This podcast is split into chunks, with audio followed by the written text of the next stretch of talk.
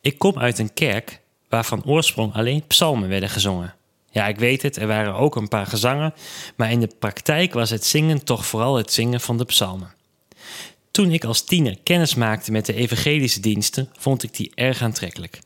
De muziek sprak mij meer aan. Ook had ik het gevoel dat er meer ruimte was voor de beleving van het geloof.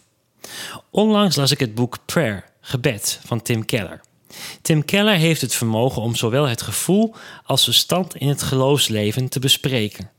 En valt eigenlijk voortdurend terug op de Reformatie en denkers die ook in mijn christelijk gereformeerde traditie centraal stonden. Ik noem Luther en Calvijn als de bekendste. Toen ik zijn boek las, begreep ik veel meer van de traditie waar ik uitkom. Ik begreep dat het zingen van psalmen eigenlijk van Calvijn een moderne manier was van psalmen lezen. En psalmen lezen hoorde bij de zoektocht van de kerk om in praktijk te brengen wat er staat in 1 Thessalonicensen 5 vers 17. Bid zonder ophouden. En bij het bidden spelen de psalmen een belangrijke rol. Ik hoop dat u mij nog volgt. Nog een keertje dan, maar dan in omgekeerde volgorde.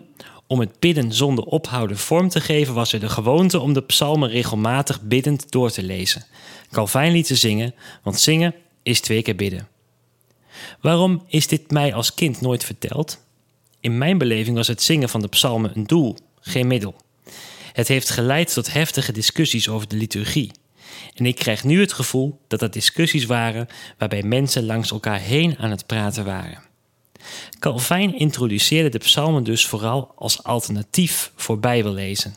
De evangelische beweging ziet het zingen primair als lofprijzing en aanbidding.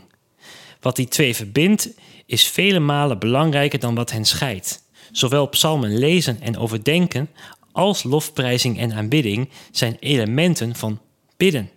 De een wat meer op het verstand georiënteerd, de ander wat meer op het gevoel. We hebben ze allebei nodig. Wat we echter nog veel meer nodig hebben, is de voortdurende uitleg in de kerk over waarom we doen wat we doen. Anders wordt iedere vorm van liturgie een doel op zichzelf. En met Calvijn, Luther en alle andere voorgangers zou ik liever willen zoeken naar manieren om mensen weer handen en voeten te geven om onze relatie met Jezus ieder moment van de dag, zowel privé als in de gezamenlijkheid van de kerk, te verdiepen.